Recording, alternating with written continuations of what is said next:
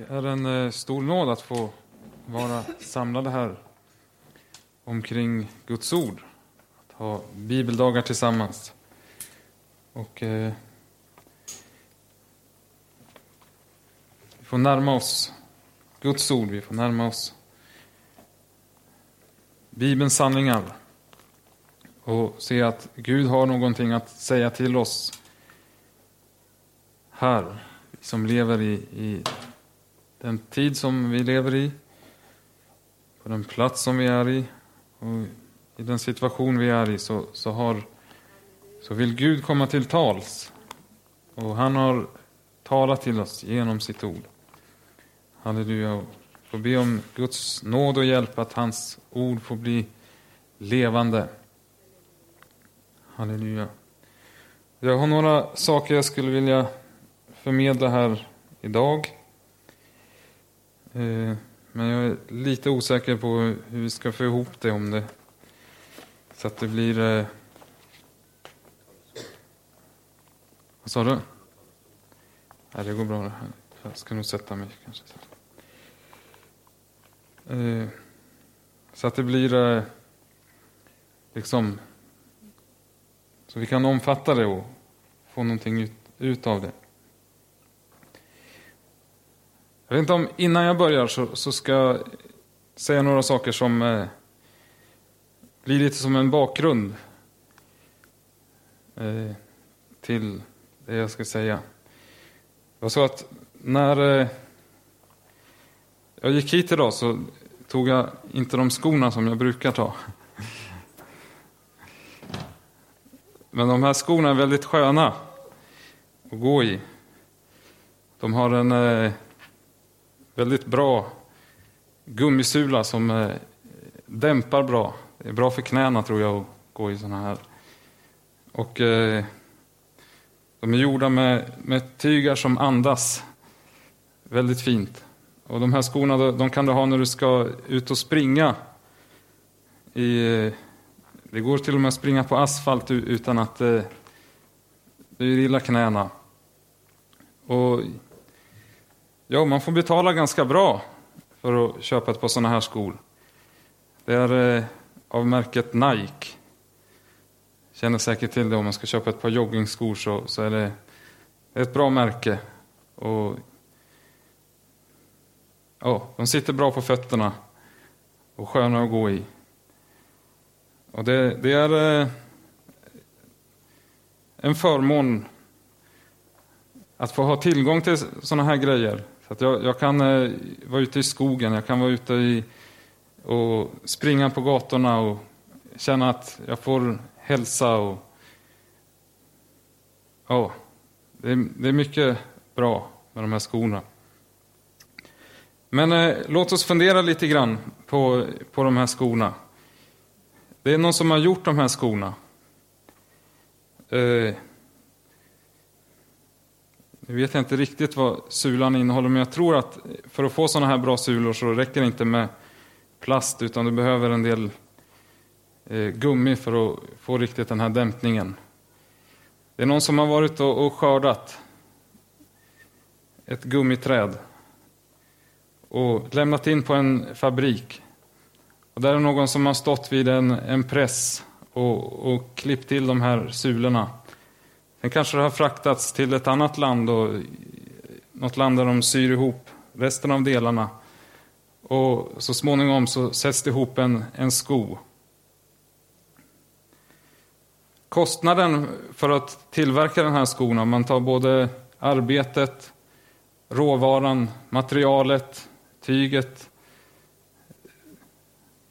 allt som används det, det, är inte så stort. Jag har försökt att kolla upp det där, men det finns lite, mot, lite olika uppgifter. Allt ifrån en dollar till... Eh,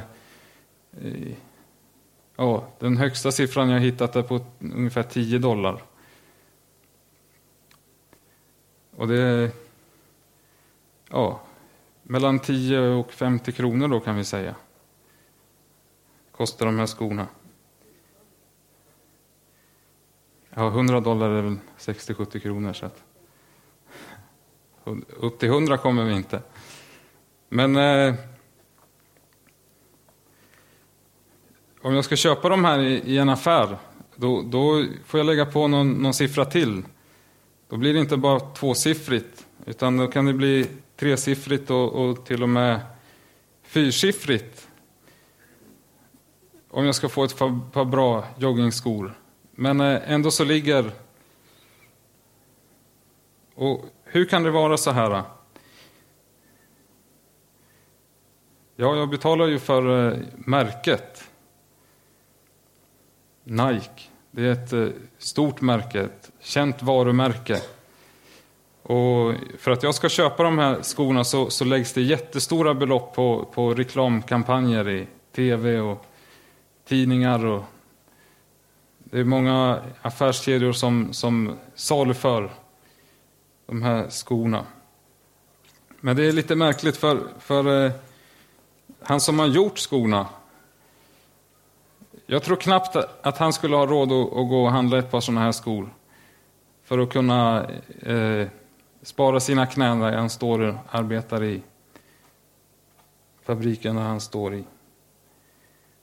Så att av de här pengarna som jag betalar så, så går största delen inte till den som har gjort skorna, inte till eh, eh, det land där eh, råvarorna har tagits, utan det går i, i, eh, i den värld där jag lever och, och, och bor och där, eh,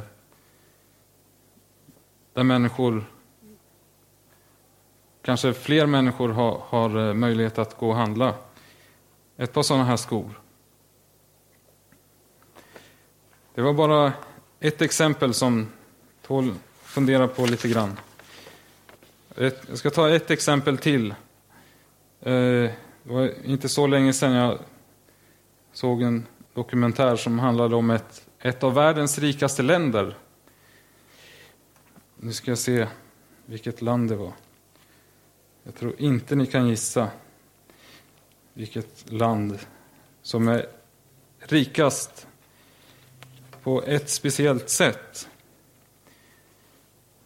Inte rikast eh, som vi tänker, utan eh, det här är ett av världens rikaste länder på koppar. Alltså metallen, koppar, kopparfyndigheter. Och det är en metall som används väldigt mycket. Eh, I all el här som är draget så är det koppar. Och I alla våra datorer och grejer så, så används det väldigt mycket av den här metallen, koppar. Och det landet är Zambia. Men samtidigt om du tittar vilka länder som är rikast och vilka som är fattigast så, så är eh, Zambia en av världens fattigaste länder.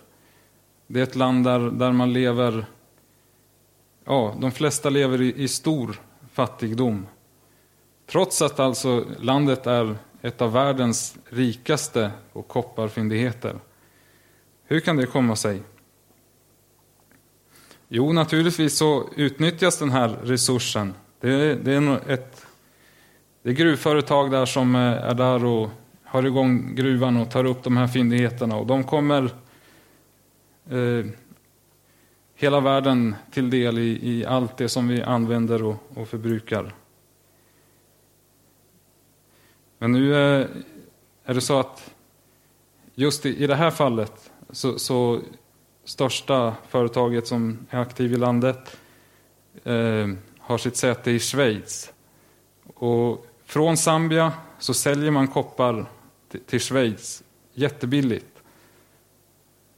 För nästan eh, ja, samma kostnad som det är att ta upp det från, från gruvan.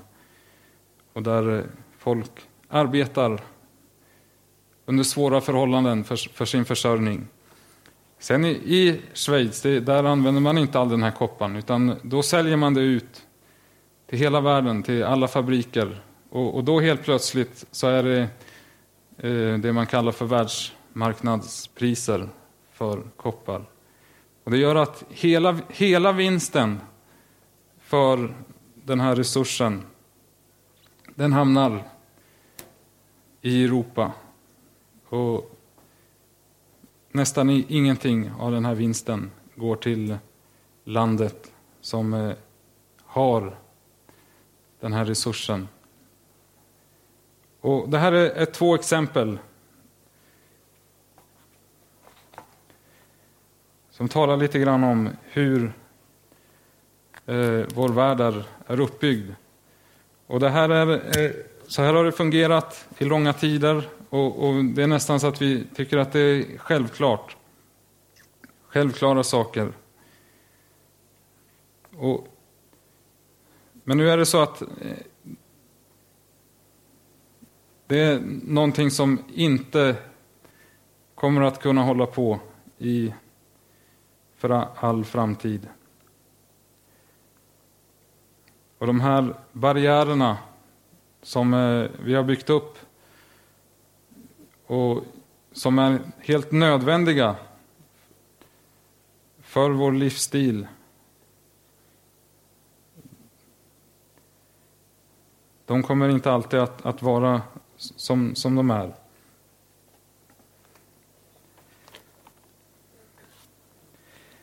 Jag hade annonserat lite grann här att jag skulle tala om en stad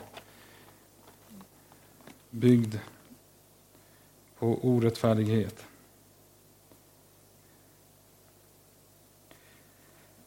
Men eh, för att göra det så, så måste vi börja med, med, det som jag talat om ett par gånger.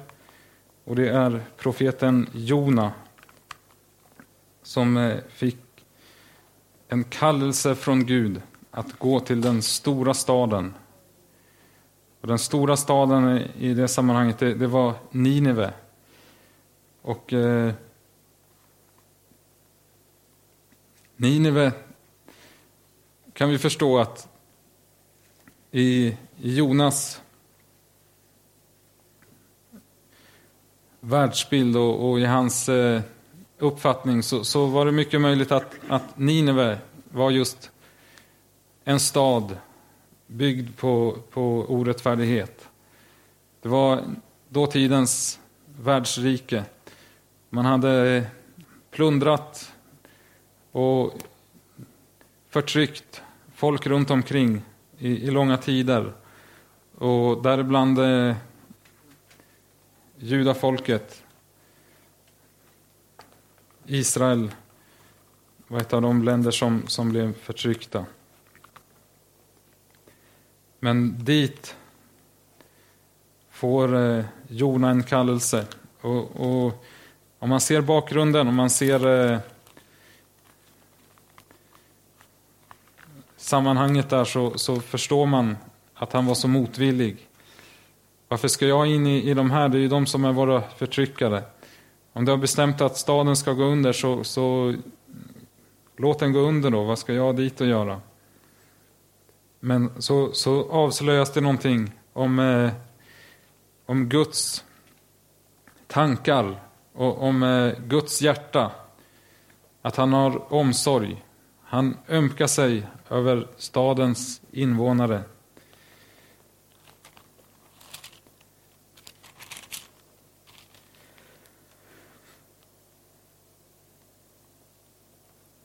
Jag läser sista versen där, eller två sista verserna. Då sa Herren, du ömmar för resinbusken som du inte har haft någon möda med och inte har dragit upp, som kom till på en natt och förgicks efter en natt. Och jag skulle inte ömma för Nineve, den stora staden, där det finns mer än 120 000 människor som inte kan skilja mellan höger och vänster, dessutom en mängd djur. Gud hade omsorg. Han såg att i den här staden finns det människor och, och han ville nå fram med ett omvändelsens budskap därför att han ville frälsa, han, han ville rädda. Och det står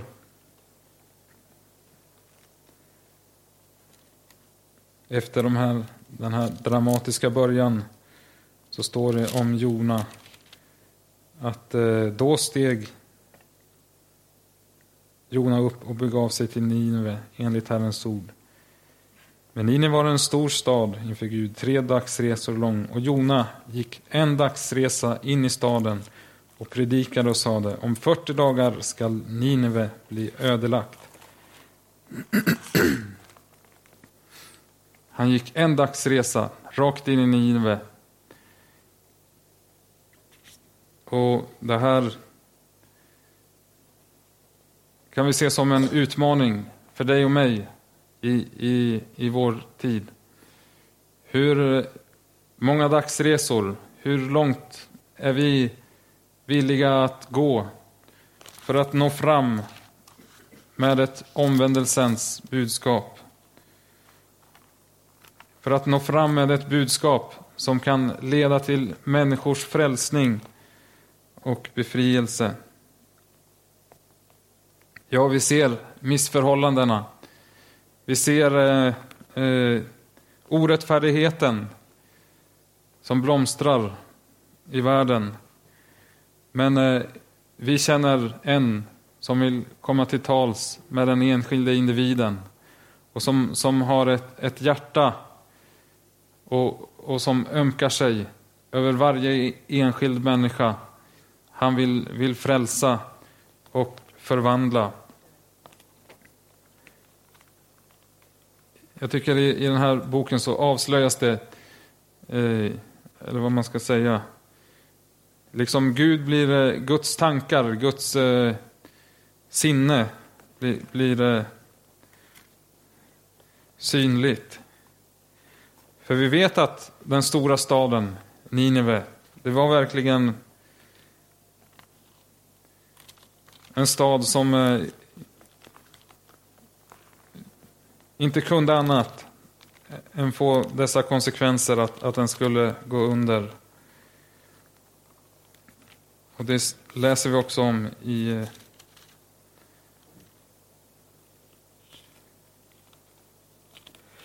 är det Nahum som profeterar om Nineve. Och även om eh, Jona är mera känd profet som profeterar om Nineve så, så är hans profetia väldigt kort jämförelsevis. Egentligen så själva profetordet i, i Jona bok, det är bara detta om 40 dagar ska Nineve gå under.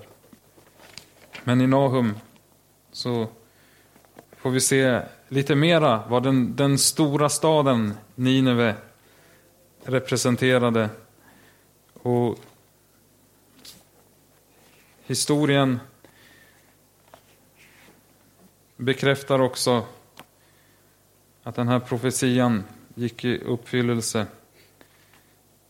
Nu kommer jag inte ihåg, var det 612 före Kristus som staden jämnades med marken.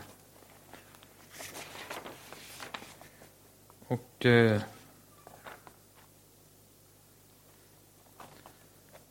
se om vi kan läsa några verser i, i Nahum.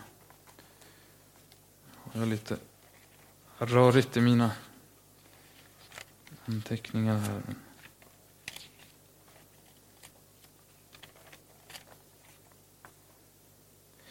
Jag kan läsa i andra kapitlet, trettonde versen.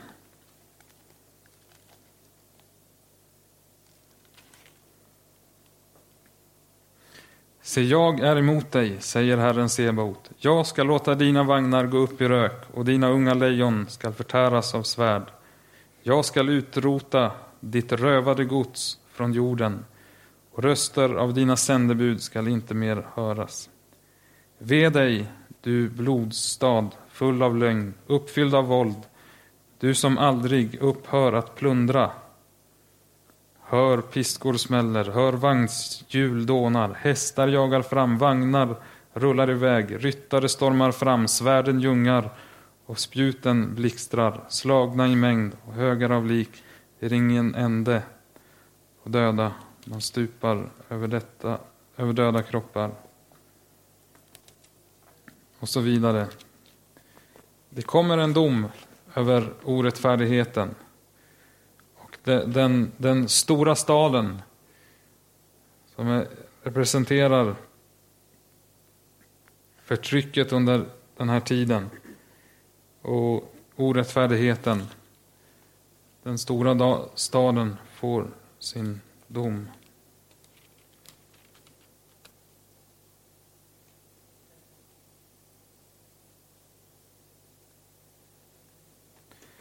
Och det står någon, någonting här.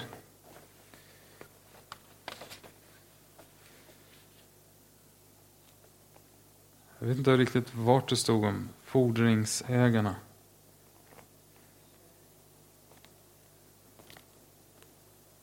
Ja, det kanske står om eh, ett annat folk som eller ett annat rike som kommer att avlösa det assyriska väldet. Vi ska också gå till Habakuk och läsa några parallellställen där. Också den vers där det här uttrycket finns, en stad grundad på orättfärdighet.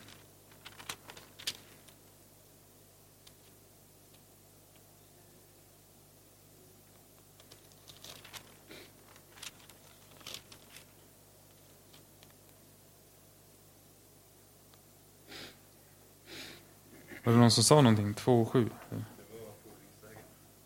Okej. Okay. Ja, jo, det var i Habakuk, inte i Nahum. Och i Habakuk, där eh, ser vi profeten som eh, kommer med frågorna till Herren.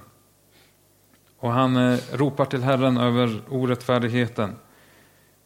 Herre, hur länge ska jag ropa på hjälp utan att du hör? Ropa högt till dig över våld utan att du räddar. Varför låter du mig se ondska och hur kan du själv se på sådant elände. Fördärv och våld är inför mig, split och kiv uppstår. Därför blir lagen utan kraft och rätten kommer aldrig fram. Den ogudaktige omringar den rättfärdige och rätten blir förvrängd. Här tycker jag också man läser om eh, våra dagar. Om eh, laglöshetens hemlighet. Är det inte det det handlar om? Lagen blir utan kraft, rätten kommer aldrig fram. Rätten blir förvrängd. Men eh, här handlar det om, eh, om eh, Habakuk som var i Israel och såg orättfärdigheten, eller i Juda. Och ställer de här frågorna till Herren. Men Herren eh, svarar, en gärning utför jag i era dagar som ni inte kommer att tro när man berättar den. Ty se, jag ska uppväcka kaldéerna. Och det här uttrycket, att han ska uppväcka kaldéerna, det, det talar om att eh, Habakuk levde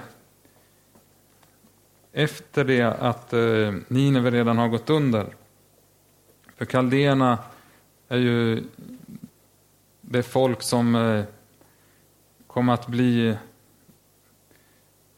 liksom början till det, det babyloniska riket. Och, och därför, eh, när Herren svarar och profeten som får ännu mera frågetecken när den, den som är mer orättfärdig ska straffa den som är, är mindre orättfärdig. Men eh, Herren säger att det, det kommer en upprättelse, det, det kommer en, en, eh, en dom, en rättfärdig dom. Och då svarar Herren i andra kapitlet. Skall inte alla stämma upp en visa om honom, en smädesång med gåtfulla ord och säga Ve dig som lägger på hög det som inte är ditt. Hur länge ting, hur länge till och tynger dig med pantsatt gods. Kommer inte dina fordringsägare att plötsligt resa sig och det som ansätter dig att vakna upp så att du blir ett byte för dem eftersom du själv har plundrat många hedna folk skall också andra folk plundra dig på grund av blodsdåd mot människor och våld mot land och stad och alla som bor där. Ve den som skaffar orätt vinning åt sitt hus för att bygga sin boning högt upp och så rädda sig undan olyckans våld. Till skam för ditt eget hus har du planerat att förgöra många folk och syndar så mot dig själv. Ty stenarna i muren skall ropa och bjälkarna i trävirket skall svara dem. Ve den som bygger upp en stad med blodståd eller grundar en stad med orättfärdighet. Vi kan stanna där.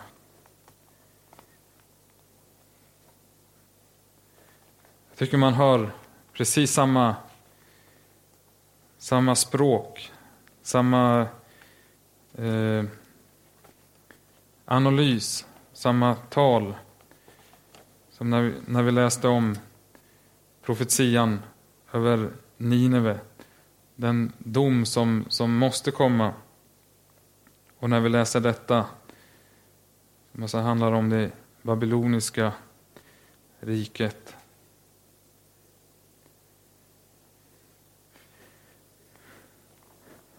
Och vi som känner vår bibel, du som har läst de här verserna många gånger förut, det, så, så är det nästan... Oh, det, det är en väldigt tydlig parallell med det vi läser i Uppenbarelseboken.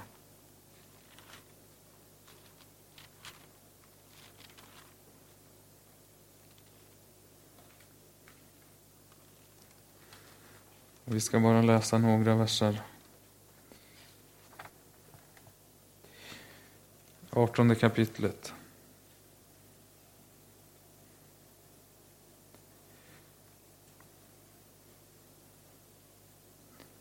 VV, du stora stad, Babylon, du mäktiga stad, på en enda timme kom domen över dig.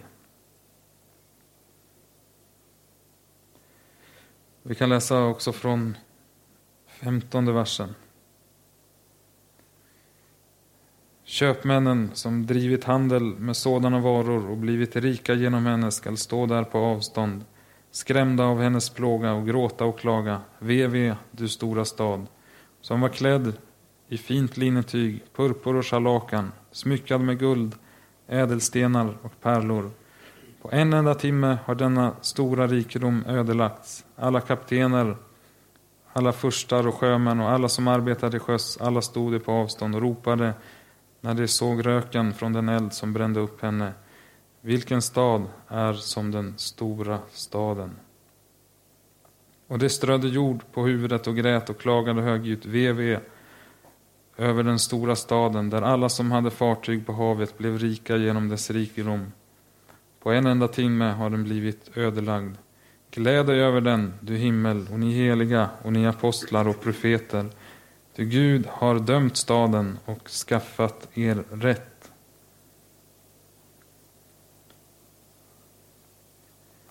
Amen.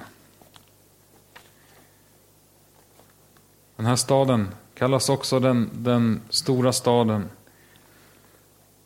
Men här är, handlar det inte längre om ett eh, historiskt världsrike som vi kan läsa om i, i historieböckerna och, och, och, som vi kan se verkligen fick sin, sin dom. Här handlar det inte om, om Nineve som det profeterades om och som, eh, som eh, domen gick så i uppfyllelse att, att eh, historien glömde staden, den försvann. Och man visste inte, är det här en, en saga? Eller är det, är det verkliga händelser som, som det står om? Ända tills man, man eh, grävde upp den här staden i mitten på 1800-talet. Och, och, när man kunde läsa exakt om de händelser som vi läser om i Bibeln om eh, Samariens belägring, om eh, Nordrikets undergång och så vidare. de här verserna handlar inte om no någonting som har, har varit i historien. Utan det handlar om någonting som fortfarande ligger framför.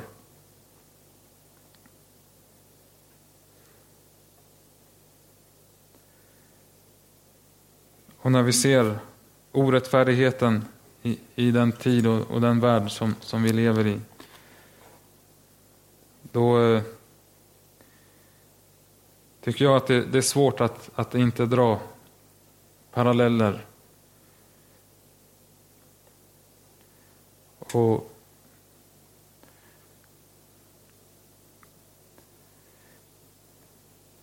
ja, tvingas konstatera att det kanske är den här staden, den stora staden som är under, under uppbyggnad i, i vår tid. Men vi har ett, ett uppdrag. Och hur, vad ska vi göra? Jag har de här skorna på mig och, och jag lever i, i, mitt i det här på ett sätt. Men eh,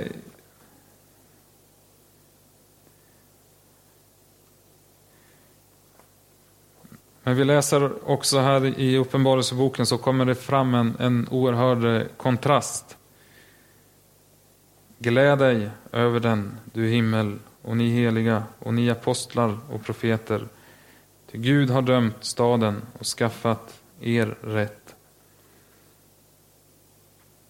Jag kan också läsa sista versen där i det kapitlet. I den staden fanns blod av profeter och heliga och av alla som hade blivit slaktade på jorden.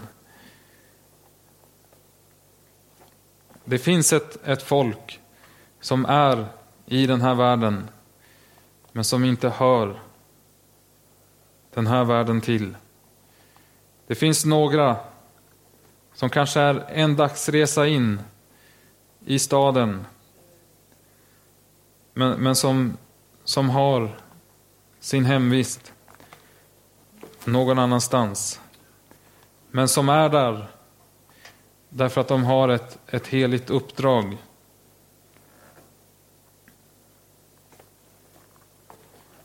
Vi ser att laglöshetens hemlighet är, är verksam. Som vi har hört broder Hans tala om här också. Men vi vet också att det finns ett, ett svar. Det finns en, en motpol. Det finns en gudaktighetens hemlighet. Och måtte vi ta fasta på det.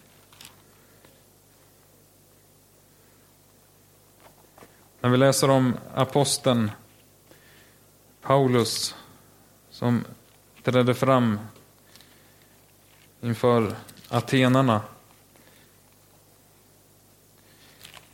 så tycker jag mig se en, en eh, profet som har gått en dagsresa in i staden.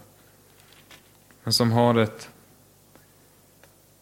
ett klart omvändelsens budskap.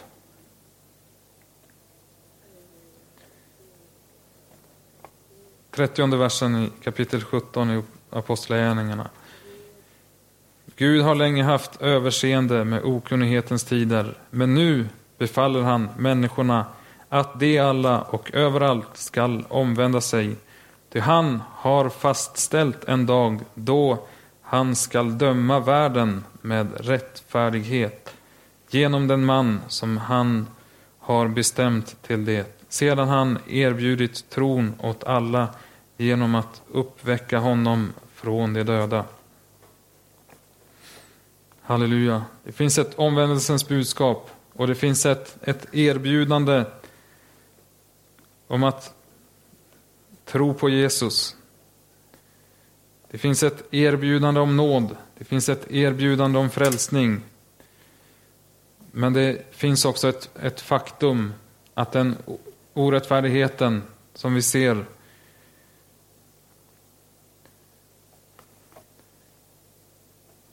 kommer att få sin dom. Gud har fastställt en dag då han ska döma världen med rättfärdighet. Och när det handlar om, om att, att Jesus kommer snart så i vår tid så, så råder det så, sån stor förvirring i de här tingen. Jag tror att för oss som sitter här är det eh,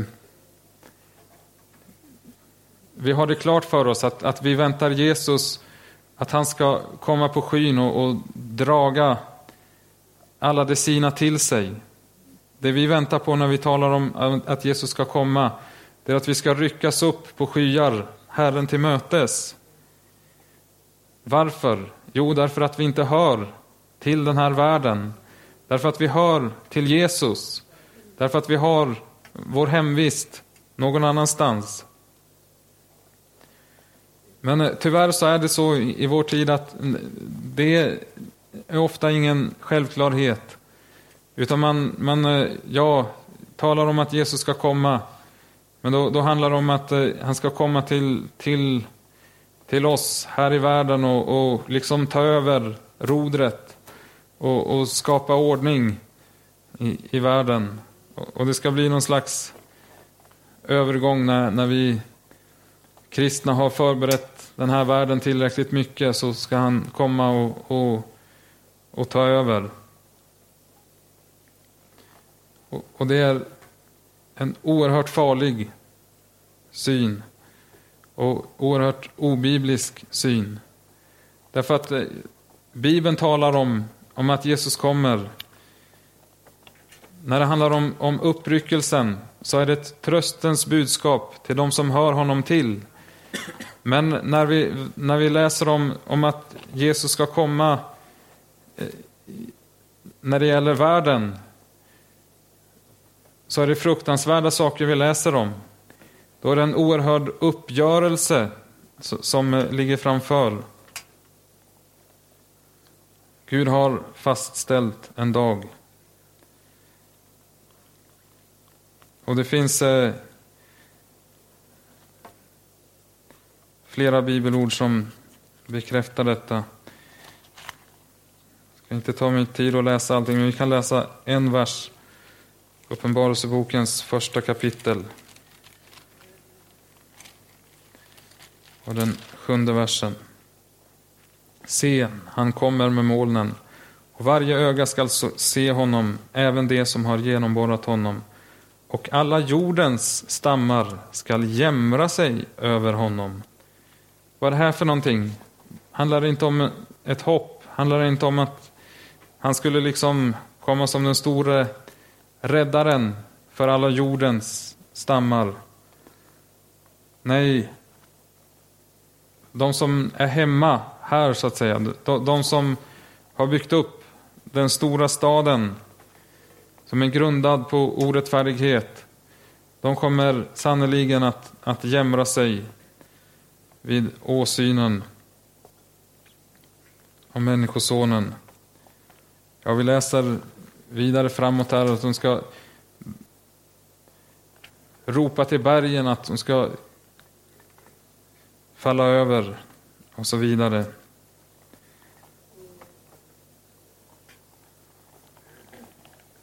Och därför är det så allvarligt, det som vi ser i, i det som vi ser ske i, i våra dagar.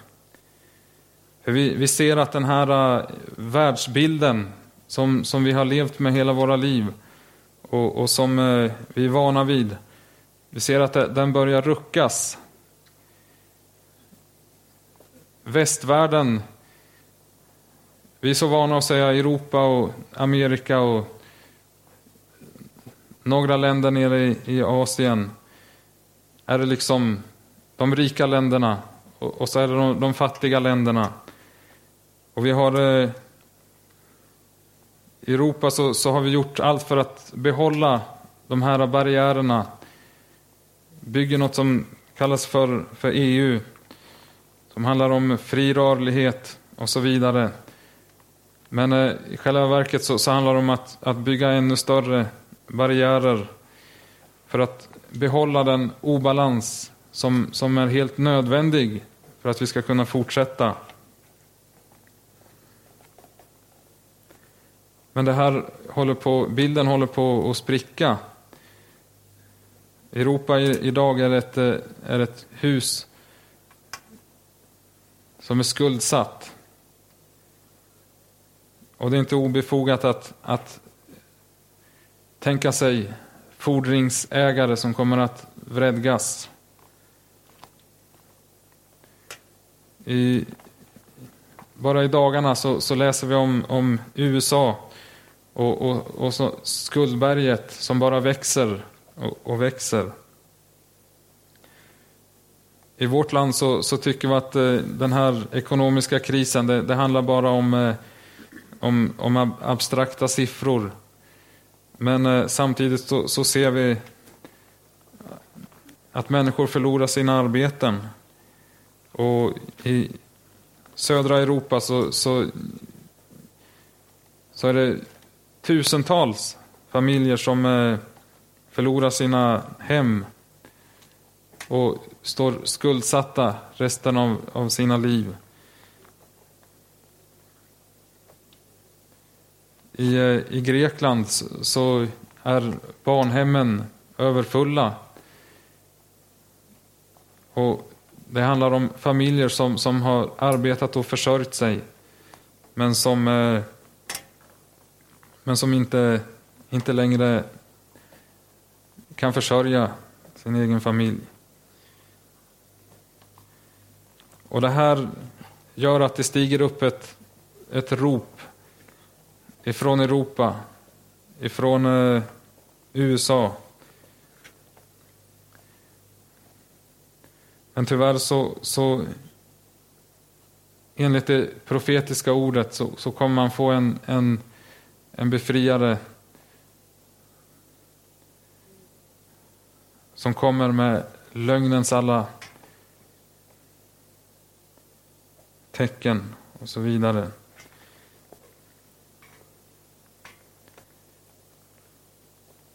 Men mitt i detta,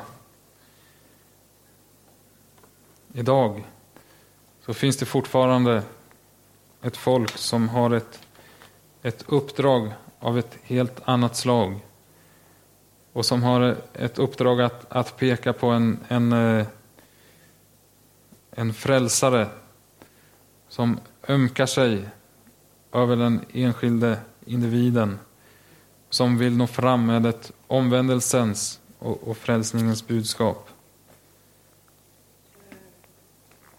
Vi läser i Bibeln om, om en annan stad. En stad som har helt andra grundvalar. Det står att de inte kan vackla. En stad som har en helt annan framtid. Det står att staden står fast.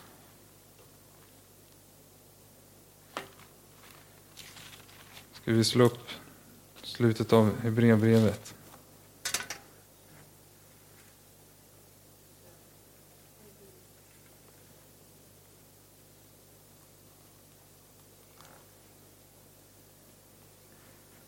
Halleluja. står det 28 versen i 12. Då vi alltså får ett rike som inte kan skaka, låt oss vara tacksamma och tjäna. 13 kapitlets 14 vers.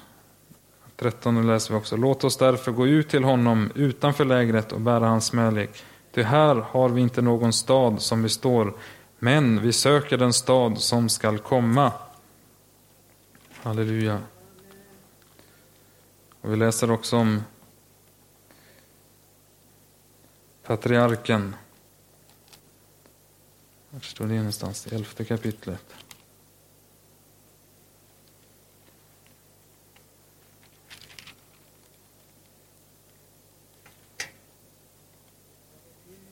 Det är någon som har versen där. Det han såg staden med de fasta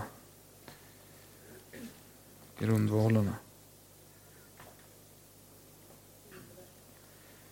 Det han väntade på staden med de, med de fasta grundvalarna, den som Gud har format och skapat. Vad är detta för en stad vi läser om?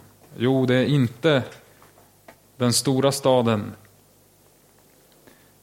Och det är inte en stad som har grundats här i världen av världens stora män. Utan det här är en stad som är där ovan. Och här i tiden så är det ett osynligt rike på ett sätt. Men eh, staden är den som kommer ner ovanifrån. Halleluja. Och där har du församlingens slutmål. Den nya staden. Halleluja. Men jag tror också att det är så att, att eh, här i tiden så ska församlingen representera någonting annat än den, den orättfärdighet och, det, och den stad som är byggd på detta sätt i den här världen. Och därför är, och det tror jag handlar om att budskapet måste få de konsekvenserna i våra liv. Att det inte bara handlar om teorier och, och eh, en abstrakt tro. Utan det handlar om ett, om ett liv. Det handlar om ett församlingsliv som är i enlighet med vårt, vår hemvist, i enlighet med, med vår, vår väntan på att han kommer snart. Jag vet inte om vi ska, kan sluta och, och, och gå i, i eh, sådana här fina skor. Men eh, kanske vi kan ha en liten annan syn på han som har, har gjort de här skorna. Och kanske vi ska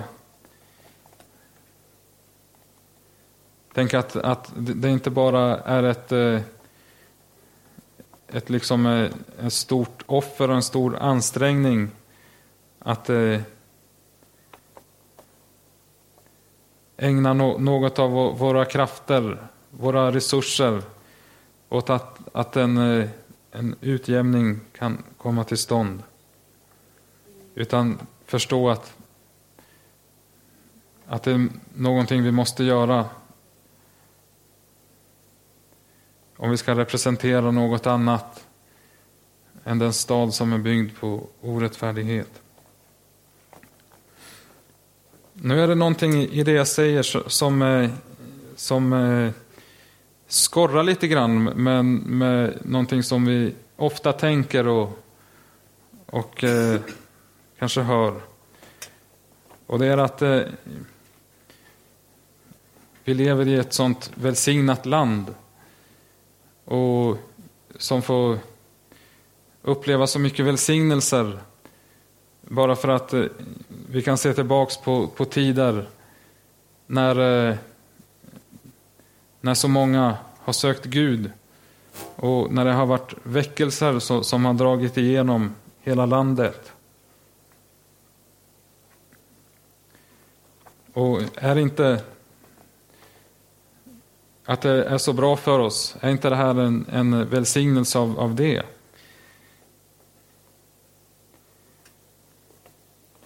Nej, jag, jag, jag tror fortfarande att en stad byggd på orättfärdighet är nog en mer passande beskrivning än ett, ett välsignat land på, på grund av gudfruktighet. Men ändå så, så är det också sant. Att, eh, för vi ser, kan se rent konkret i historien hur, hur, hur väckelserna har, har förändrat vårt land i, i grunden. Vi kan se tillbaka på, på ett, ett u-land där människor höll på att supa ihjäl sig. Och ett samhälle som var, var verkligen i botten. Men så ser vi hur, hur det kom väckelser och, och, det blev ett lyft för, för hela, hela samhället. Och, och vi kan tala om väckelsens andrahandskonsekvenser. Människor eh, slutar att dricka, människor slutar att eh, ägna sin tid åt oväsentligheter. Och istället kanske unga människor eh, kunde ha mer tid att utbilda sig och göra liksom bra saker i livet än att, än att kasta bort livet i, i, i synd och sus och dus. Och visst tror jag att, att det har sin betydelse för ett land och det har haft sin betydelse för, för vårt land. Men när det gäller att analysera den situation som vi är inne i idag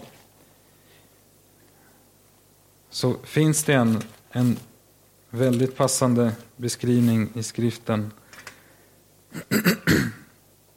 som vi hittar i Romarbrevets första kapitel. Och där står det, jag ska ta bara ett par verser. 21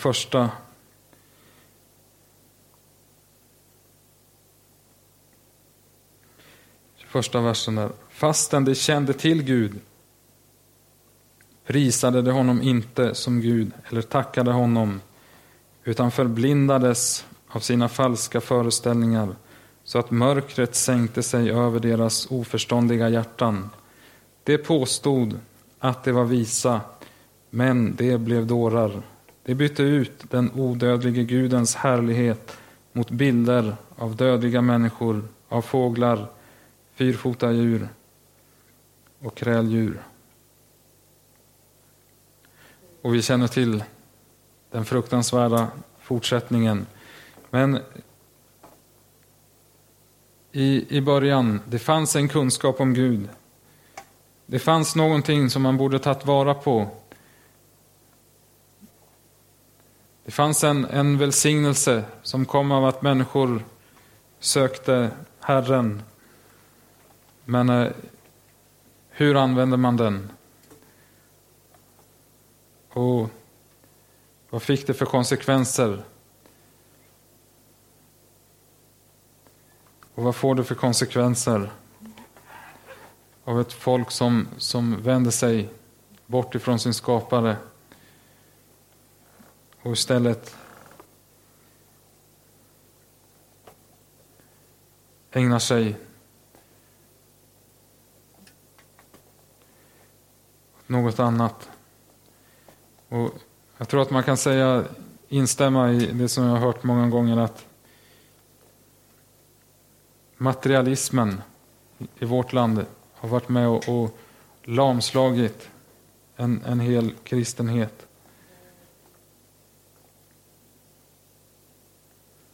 Och det är oerhört allvarligt det, det vi får av Gud, de välsignelser som kommer över våra liv. Hur eh, använder vi det?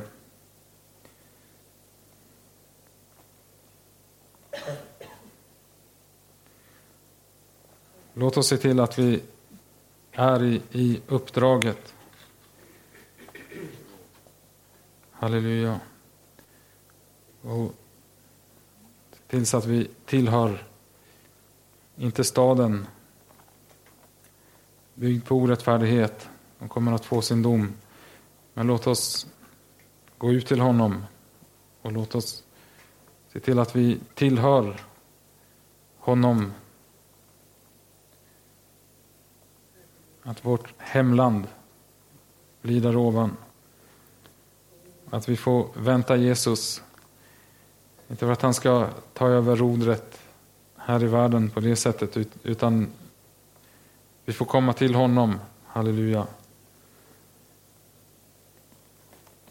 Och stå tillsammans med honom när vredesdomen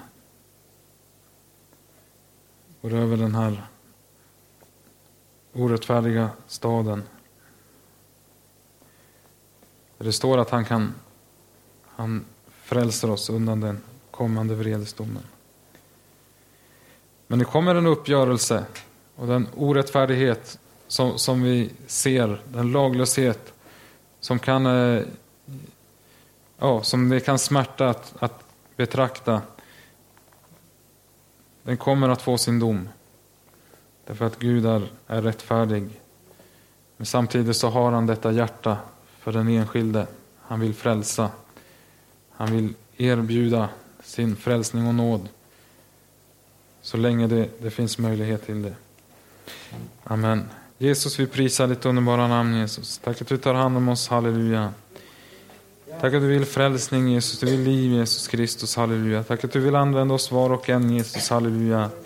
Att gå med detta budskap Jesus, att ropa Jesus Kristus, att människor får omvända sig till dig Jesus. Låta sig försonas med dig Jesus. Jag prisar ditt underbara namn, halleluja. Och Jesus, tack för staden Jesus, för de fasta grundvalarna Jesus Kristus, halleluja. Tack för vår hemvist Jesus, jag prisar ditt underbara namn. Tack för medborgarskapet, halleluja, halleluja. I himlen Jesus Kristus. Därifrån väntar vi också dig Jesus. Jag prisar ditt underbara namn. Tack att du kommer Jesus, halleluja. Hämta oss till dig Jesus. Jag prisar dig. I Jesu namn. Jesu namn. Amen.